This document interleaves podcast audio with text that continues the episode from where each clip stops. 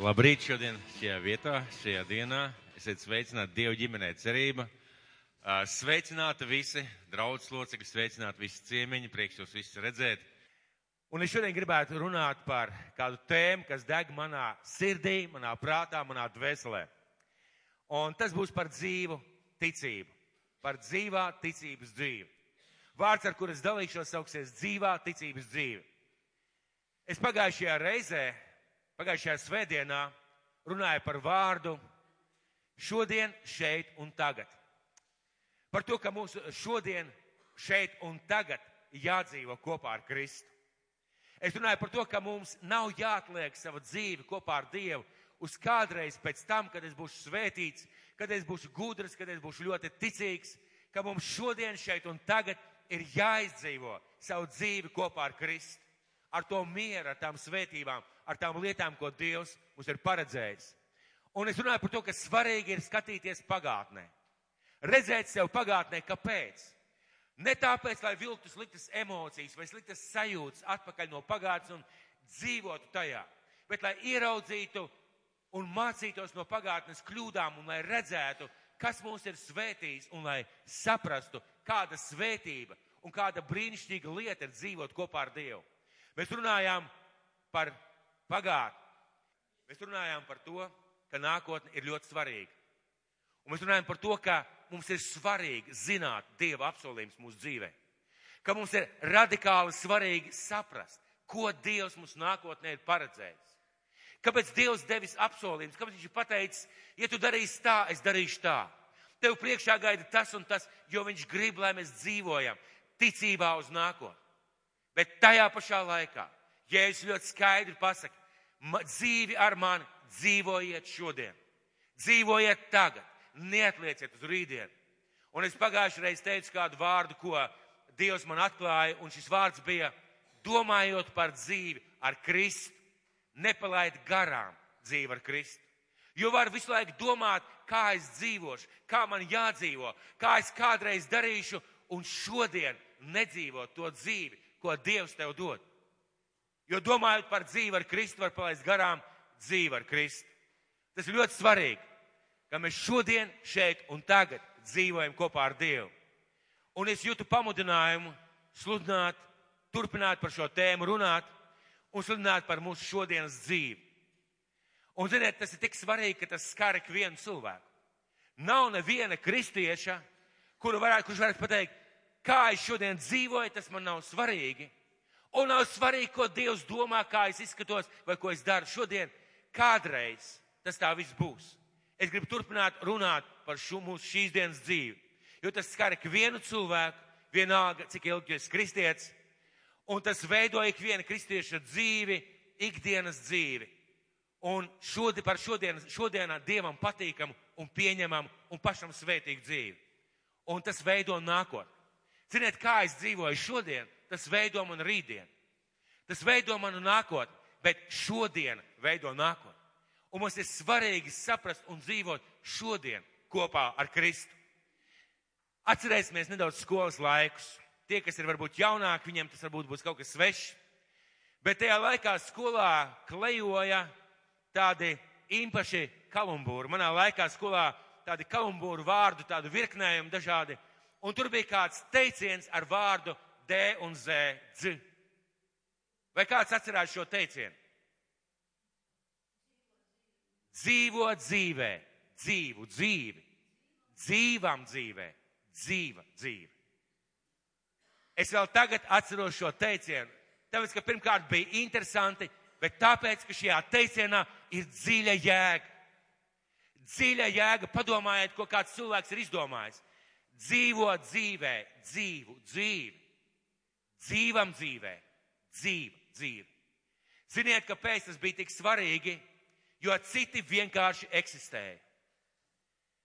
Citi vienkārši eksistēja. Jā, tas bija padomu laiks, varbūt nevarēja daudz izpausties, bet arī manā laikā es ieraudzīju, ka bija cilvēki, kas vienkārši eksistēja, dzīvoja, lai ēstu un ēda, lai dzīvotu. Un viss, ko viņi zināja, bija televizors un šņā bija pudele vai vienkārši kaut kāds lēts izklaides. Bet bija cilvēks arī tajā aizliegtajā laikā, meklēja kaut ko no dzīves. meklēja no dzīves sāls, meklēja kaut ko tādu, kas viņu dzīves svētī un izdara krāsaināk. Un man patīk šis cilvēks, vai es priecājos par šo cilvēku, ka viņš bija izdomājis tādu teicienu. Un vēl man ir kāds jautājums, vai vēl, vēl kāds jautājums. Kāda ir atšķirība, un es gribētu, lai mēs šodien tā runājam. Ja mēs runājam par to, ka mums šodienai jābūt dzīvai ar Kristu, tad droši jūs varat teikt kaut ko no vietas vai kaut ko saukt no vietas. Un man būs tāds jautājums. Kāda ir atšķirība starp dzīvnieku dabas muzejā, kurš stāv plauktā, un mēs viņu, viņš tāds saposts, nospodrināts, viņu var apskatīt, viņu var pataustīt, viņš izskatās gandrīz kā dzīves.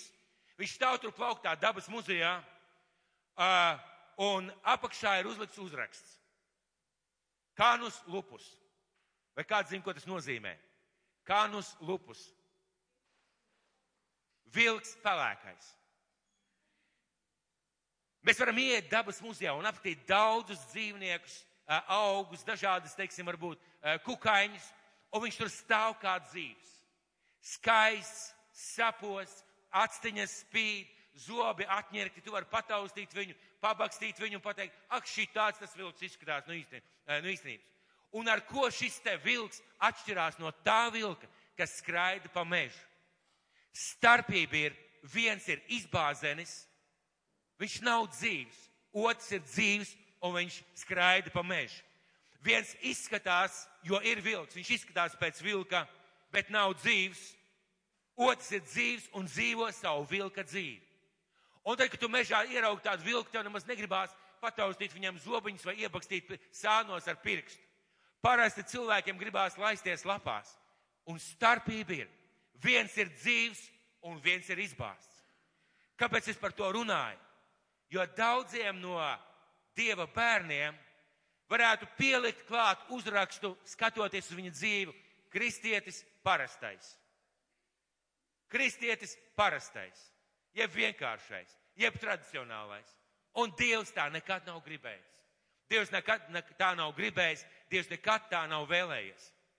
Un kāda, starp, kāda ir starpība starp teorētisku kristieti vai kristieti teorētiķi, kurš skaitās kādā konfesijā, zina Bībeli, iet draudzē, saka, ka tic, bet nedzīvo savu dzīvi kopā ar Kristu. Dieva veidā. Kad Jēzus runāja kādu, kādu līdzību, kad mācekļiem jautāja, kungs, kurš var tikt izglābts, ka viņam bija jautājumi, kā iet pa Dievu ceļu, Jēzus teica, ziniet ko? Viņš teica, ja kas neņem savu krustu un neseko man pakaļ, tas manis nav vērts. Es negribētu iet šajā vietā tādās dziļos, garīgos dziļumos, bet man tas izskatās tā, ka Jēzus Kristus ienāk katra cilvēka dzīvē. Un katram cilvēkam viņš dod aicinājumu, vietu un laiku, veidu, kā satikt Dievu, kā dzirdēt Dievu. Dievs aicina mūs izveidot šīs tuvās personīgās attiecības ar viņu. Un tad viņš sāk vest mūs kaut kur. Nav tā, ka Jēzus stāv plauktā un uzrakst Jēzus parastais. Viņš ir dzīves un viņš kaut ko dara. Viņš kaut kur mūs ved. Un kad viņš runā šo līdzību, viņš saka, ja kas neņem savu krustu un neseko, un seko tā ir reāla iešana ar Kristu. Tā ir dzīve, dzīvojot kopā ar Kristu. Un Kristus tev vedīs pa dažādām vietām, dažādām situācijām, dažādām lietām. Daudziem patīk 23. psalms, tas kungs ir mans gans. Jūs daudz ziniet šo, šo psalmu pareizi. Grūtā brīdī bieži vien mēs lasām, pareizi, Aivald, vai ne? Tas kungs ir mans gans. Bet tur ir interesanti vārdi. Tas kungs ir mans gans. Man netrūks neniek. Viņš liek man ganīties zaļainās, zaļainās ganībās. Viņš ved mani pie dzīva ūdens. Un šis te ved mani, ziniet, vai kāds ir ganījis kādreiz govs? Ir kādam ganījies kādreiz govs, pareizi? Mums laukos bija tāda interesanta situācija. Mēs braucām laukos, dzīvojām mammas laukos, mammas, mammas tēva mājās. Un tur bija govi ferma un mani brālēnu māsītes. Viņi bija lielāki, viņi reizēm strādāja par ganiem. Mēnesi, divus, kā nu kur reizi. Un gotiņas bija jāved uz ganībām. Un, kad es domāju par šo līdzību, es redzu, kā mani brālēni un es reizēm kopā ar viņiem, Mēs aizgājām uz, tām, uz to kūti, un tad tās gotiņas viss izzina ārā, tad viens gāja pa priekšu, otrs gāja pa aizmuguri, un tas bija putekļains ceļš. Putekļains ceļš kaut kāda kilometra vai divu kilometru attālumā, kad, kur tās gotiņas tika dzītas pa to ceļu, un nedod Dievs tā laikā mašīna gadītos. Jā. Viņai būtu jāstāv, jābrauc malā. Un tās gotiņas tur visu kaut ko darīja uz tā ceļa, bet viņas gāja pa šo ceļu un noputēja parasti, jo ceļš bija vienkārši neasfaltāts smilšu ceļš. Bet tad pienāca mirklis, kad viņas iegāja šajā aplopkā, kas robežojās ar ezeru. Un tad viņām bija zālīte, tad viņām bija ūdens, tad viņām bija viss, kas vajadzīgs. Un kad es domāju ar Kristu, par Kristu un mūsu dzīvi ar Dievu, es redzu, ka Jēzus saka, viņš ved mūs uz zaļainām ganībām. Bet ir jāiet šis ceļš. Tas nozīmē, ka mēs dzīvojam, mēs ejam. Mēs esam kādā kustībā, un ne, Jēzus nekad nav bijis un plānojis, ka mums būs uzlikts uzraksts kristietis parastais.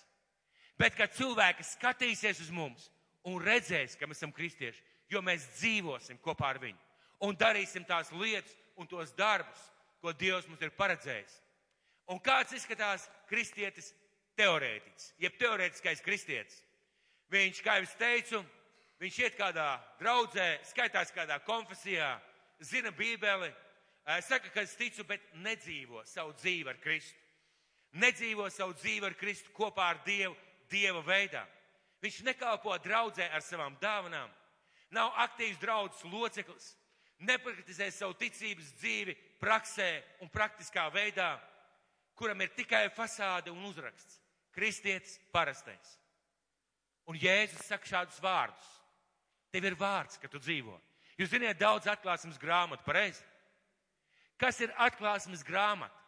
Atklāsmes grāmata ir Dieva, Dieva vārds, jeb Bībele, kurā apustulis Jānis redzēja nākotni. Viņš redzēja nākotni, un Jēzus viņam saka, bet jums tur ir septiņas draudzes. Un viņš dod viņam vēstules, un vienai no draudzēm, vienai no draudzēm, Viņš saka, pasaka viņiem tā, tev ir vārds, ka tu dzīvo, bet tu esi miris. Tev ir vārds, ka tu dzīvo, bet tu esi miris. Par ko iet runa? Par šo reliģisko formu es esmu ticīgais. Ziniet, kas ir reliģija? Ziniet, kas ir reliģija? Kur pirmo reizi saistībā ar Dievu parādās uh, reliģisks jēdziens, jeb uh, doma par reliģiju. Tajā vietā, kur ebreji pie kalna uzbūvēja zelta teļu, ko viņi izdarīja? Viņi dievu nomainīja pret dieva aizvietotāju. Un ja mēs nedzīvojam ar Kristu, mēs izveidojam savā dzīvē tādu dieva aizvietotāju, kristīgu dzīvi, kas nav īsta ar Kristu. Vienkārši kristīga dzīve, kas nav īsta ar Kristu. Un tā ir liela nelaime. Un tātad šāds cilvēks, viņš vienkārši nedzīvo, viņš vienkārši skaitās. Un starpība starp patiesu kristieti praktiķi ir tāda, ka šis cilvēks, viņš nav pilnīgs, viņš kļūdās, viņš nav pilnīgs, viņš kļūdās, viņam varbūt viss neizdodas, bet viņš seko Kristum. Viņš meklē Dieva gribu savā dzīvē. Viņš meklē, ko Dievs viņam saka viņa situācijās, viņa lietās. Ko Dievs viņam rāda un saka par viņa dāvanām, par viņa aicinājumu, par viņa draudz. Ko Dievs šodien dzīvā veidā cenšas viņa dzīvē izdarīt. Tas ir cilvēks, kurš kļūdās, varbūt maldās, varbūt nepilnīgs, bet dzīvo. Un Salmans mācītājs saka, ka dzīves suns ir labāks par beigtu lauvu. Vai jums kādreiz gadījies domāt, kādreiz es riktīgi kalpošu Dievam? Kādreiz Dievs man riktīgi lietos, kādreiz Dievs man riktīgi svētīs. Un Salmans saka, ja tu tagad nedari neko, negaidi, ka tu kādreiz to darīsi. Tas ir ārkārtīgi svarīgi, ka mēs dzīvojam. Un šāds kristietis praktiķis, viņš dzīvo kopā ar Kristu. Un to jūs varat izlasīt uz viņa sejas. To jūs varat redzēt viņa dzīvē. To jūs varat redzēt pēc viņa augļiem. Tas ir cilvēks, kurš dzīvo un staigā kopā ar Dievu, kas šodien kalpo ar savām dāvanām. Un kāds teiks, zini, es nezinu savu dāvanu. Ko mēs esam izdarījuši, lai atrastu savu dāvanu?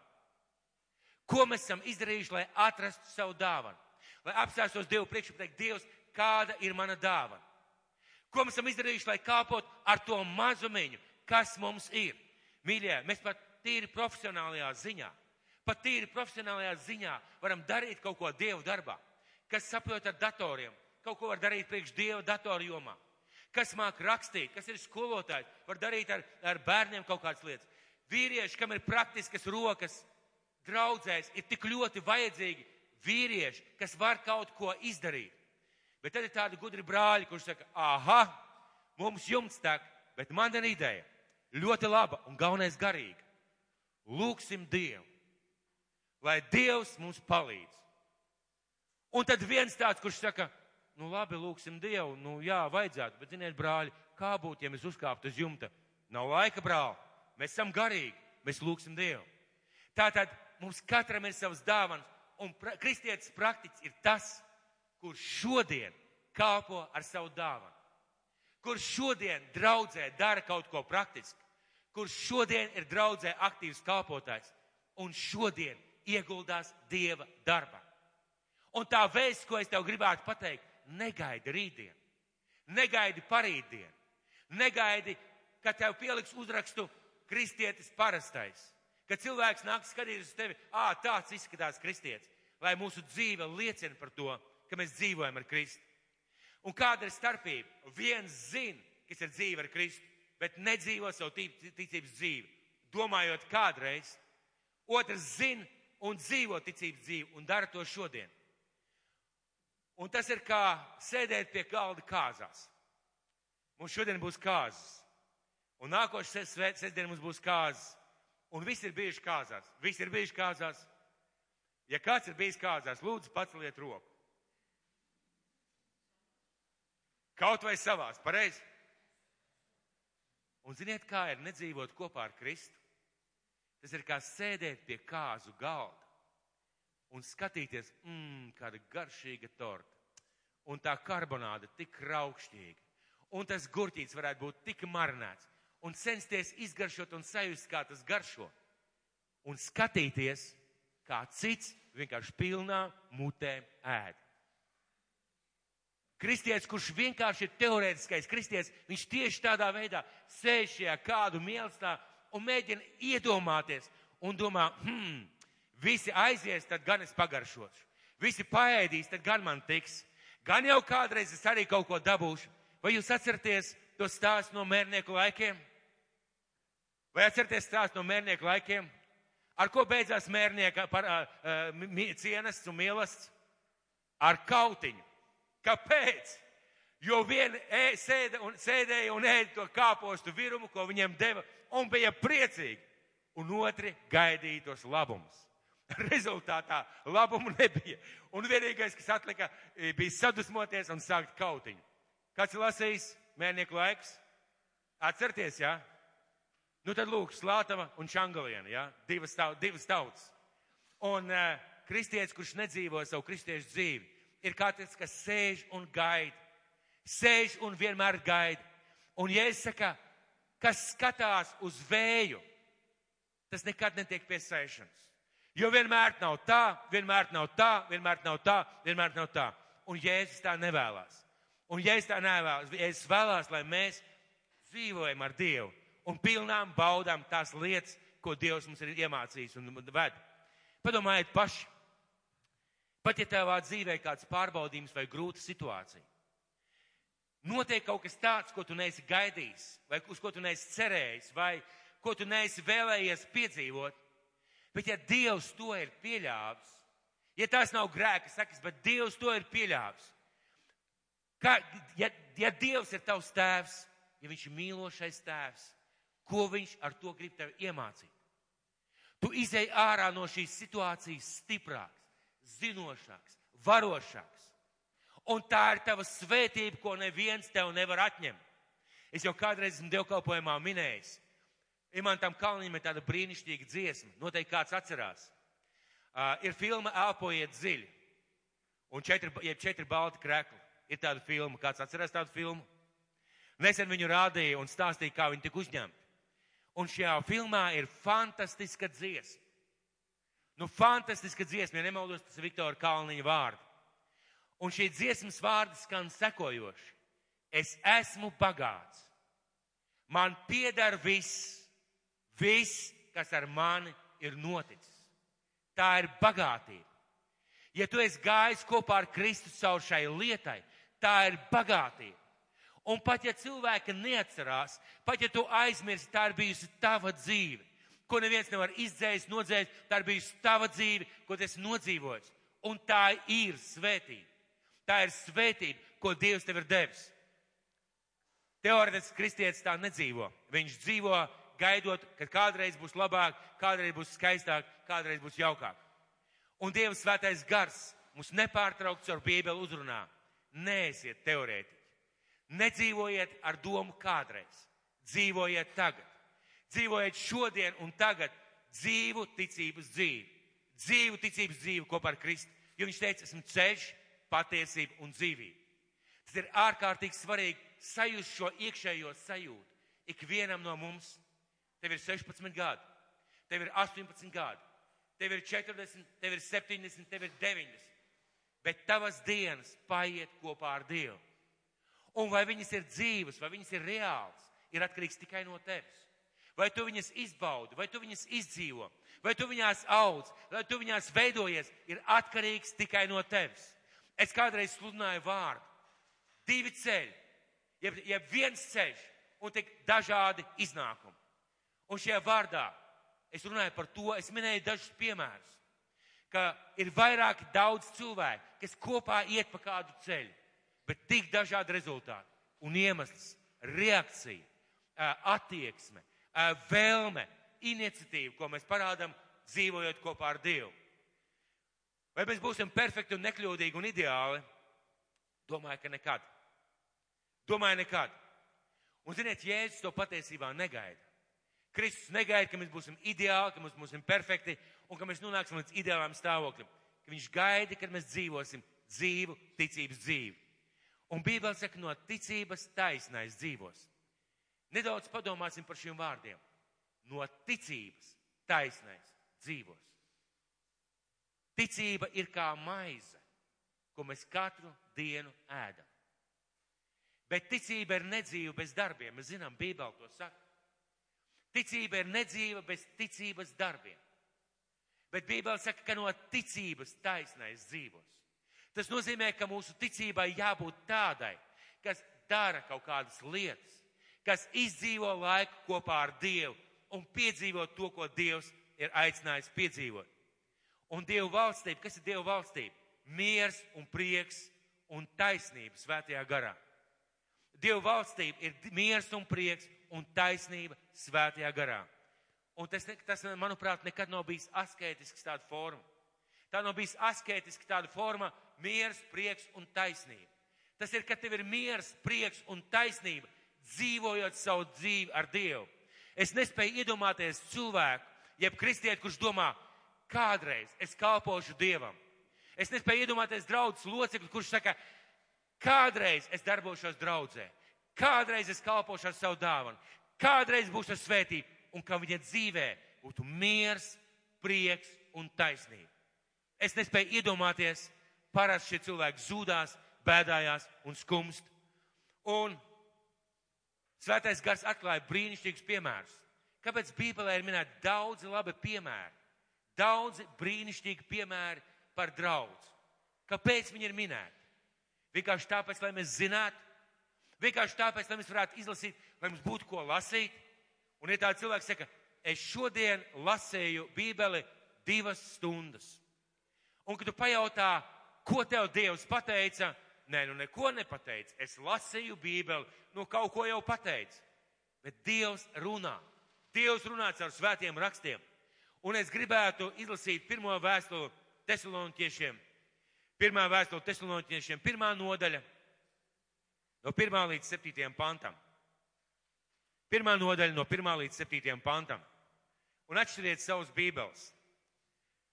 Apstoļu Pāvila pirmā vēstule tesaloniķiešiem no pirmā, pirmā nodaļa, no pirmā līdz septītajam pantam.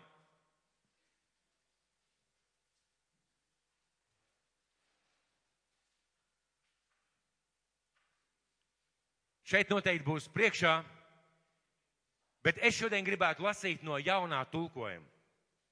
Jo, manuprāt, jaunais tulkojums ir precīzāks. Nav tas, ka kāds kaut ko izdomājis vai pielicis klāt. Vienkārši auto, tie, tie kas ir tulkojuši, viņi ir vairāk izskaidrojuši un precīzāk pateikuši, kā šī vieta skan. Un lūk, lasīsim pirmo vēstuli tesaloniķiešiem no pirmās nodaļas, no pirmā līdz astotiem, līdz septītiem pantam. Pāvils, Silvāns un Timotejs Dievā tēvā un kungā Jēzu svei, Kristu sveicina tesaloniķiešu draudz. Lai žēlastība jums un miers, viņš raksta konkrētai draudzē. Mēs allaž pateicamies Dievam par jums visiem, ar vien pieminēdam jūs savās lūkšanās. Kad Dieva un mūsu tēva priekšā atceramies, un tagad esiet uzmanīgi, kā jūsu ticību vēršat darbībā, mīlestību centībā un cerību uz mūsu kungu Jēzu Kristu izturībā.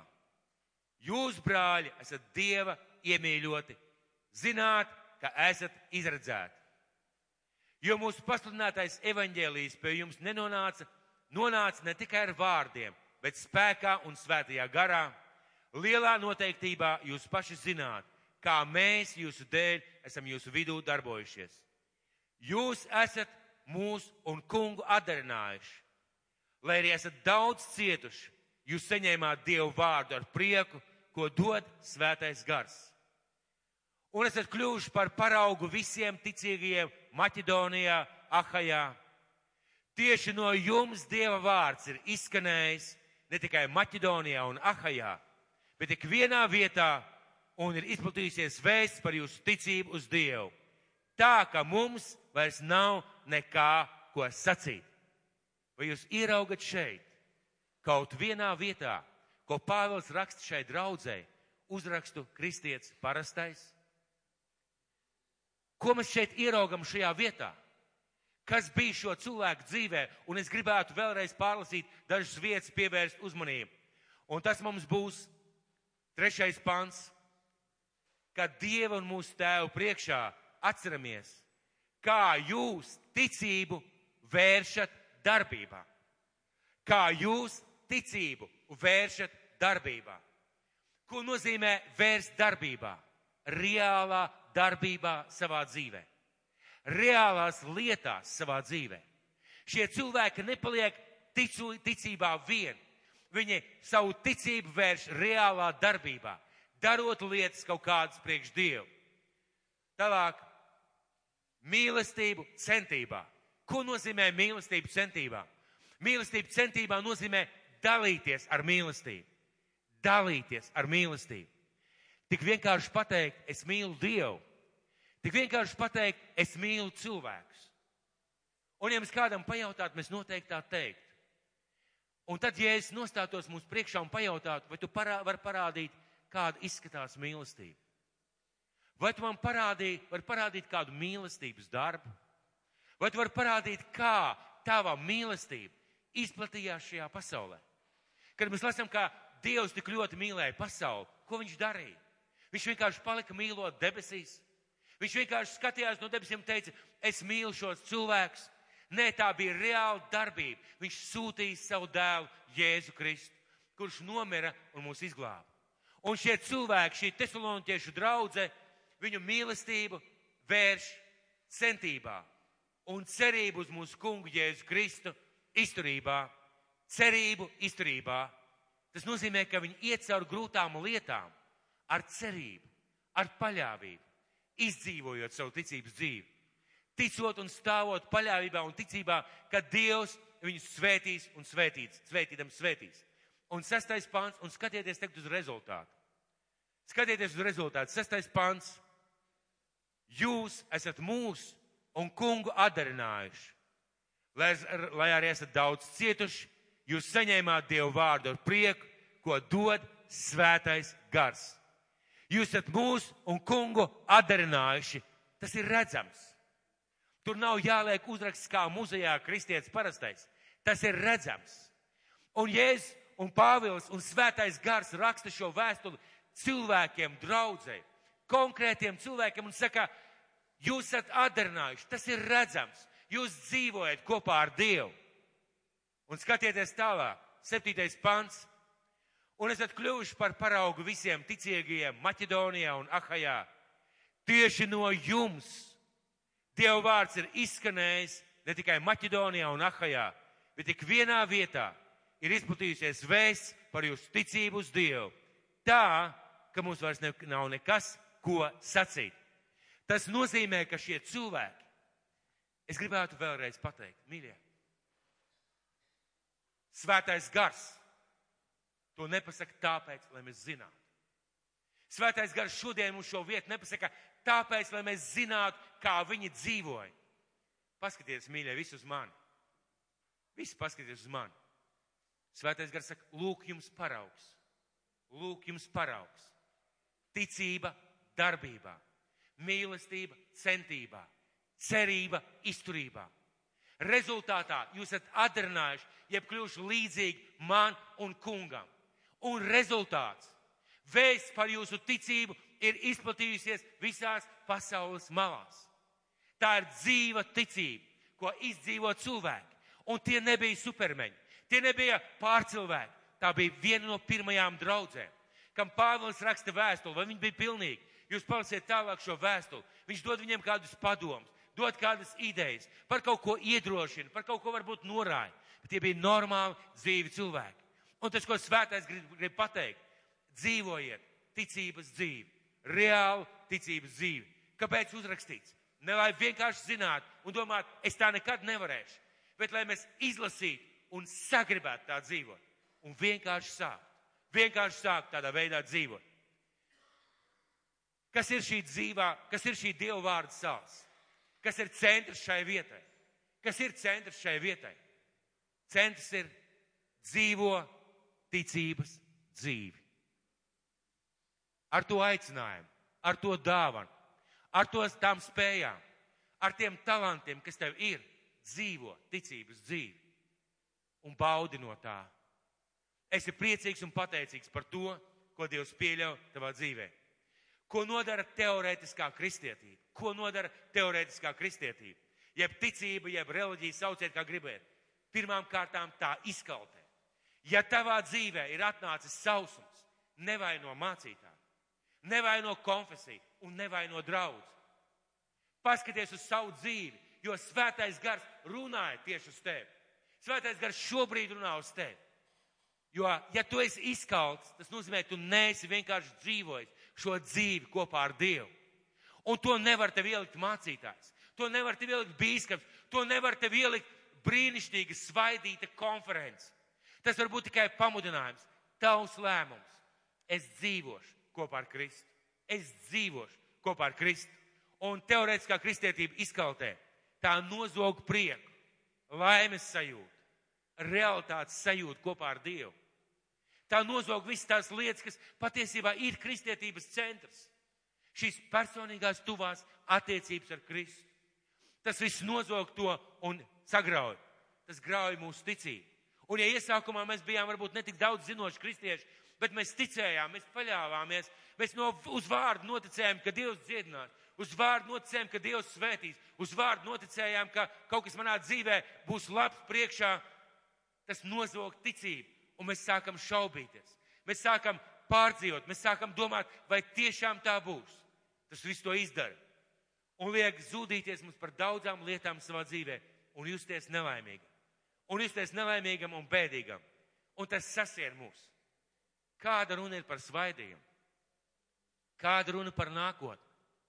Kāda runa par to, ka Jēzus saka, zenieties pēc dāvanām, tiecieties pēc kalpošanas, tiecieties pēc pravietošanas, pēc mēlēm, pēc svētāgara svaidījuma. Kur paliek šīs lietas? Viņas vienkārši kāpjas atpakaļ, tas mums nozog to visu, un mēs pazaudējam šo centību un iešanu uz priekšu, un mēs ļaujam vēlnam sasiet savu dzīvi. Ko dod dzīve ticībā uz Dievu? Ko dod šī dzīve ticībā uz Kristu? Katra diena, katra diena, katra diena pat tā, kurā līst lietus. Pat tā, kurā tev nav tik daudz naudas, cik tev varbūt vajadzētu. Pat tā diena, kurā varbūt neiet tā kā gribētos, bet tas ir tavs piedzīvojums ar viņu. Tā ir viņa klātbūtne tavā dzīvē. Tā ir tā dzīvā sajūta, ka viņš ir kopā ar tevi. Un tā jau arī ir kristietības sāls. Tas jau ir kristietības centrs, attiecības un dzīve kopā ar viņu. Un Jēzus mūs aicina uz to, ka mēs dzirdam, darām un izdzīvojam savu dzīvi.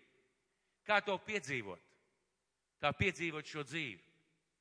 Kā piedzīvot šādu dzīvi? Pirmkārt, pieņemt Jēzu Kristu kā savu kungu un savu glābēju. Man personīgā pieredze ir, ka daudz cilvēku dzīvo viņi, ar pārliecību, ka viņi tic Dievam, ka viņi kalpo Dievam, bet viņi nav pieņēmuši Jēzu par savu kungu. Viņi nekad nav teikuši, kungs, Jēzus ienāca manā dzīvē, kļūst par mani glābēju un par mani kungu. Es atdodu tev savu dzīvi. Un viņš nāk un viņš piepilda. Un ja tu esi kaut ko pazaudējis, ja tu esi kaut ko pazaudējis, ko Bībele saka, atgriezieties. Atgriezieties. Pieņem lēmumu un sāc dzīvot. Vienkārši no šīm mirkļa. Cik tas ir vienkārši, cik tas ir grūti, vienkārši pieņem lēmumu. Es gribu tā dzīvot. Dievs palīdz man, nāc Kristus priekšā ar lūkšanu. Dievs palīdz man tādā veidā dzīvot. Ļoti interesanti. Pagājušajā reizē, kad es runāju par to, ka šodien šeit un tagad, man bija saruna kādu cilvēku. Un ziniet, ko viņš teica? Viņš teica, Jānis sludina atkal. Jo no dievkalpojuma aizgāja trīs cilvēki sarūktināti.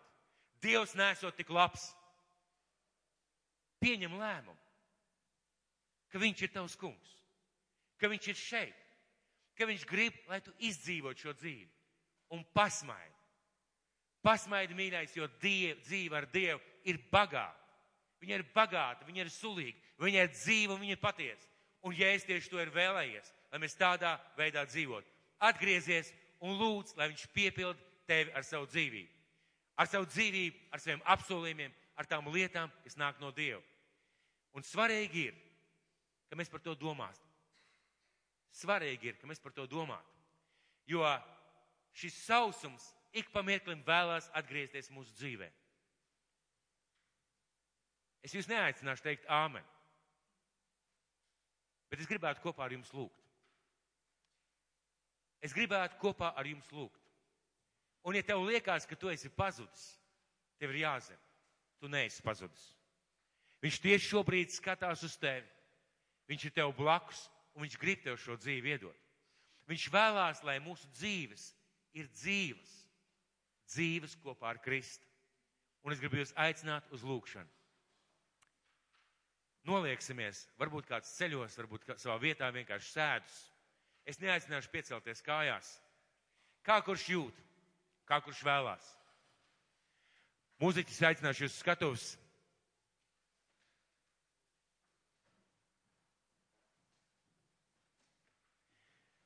Un ja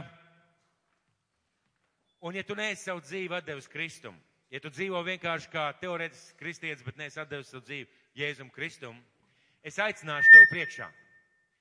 Un ja tu jūti, ka tavā dzīvē ir sausums, vienkārši pacel acis uz debesīm un saka, kungs, Jēzus ienāca. Es tā negribu. Es vienkārši tā nevēlos. Es gribu dzīvot dzīvu dzīvi.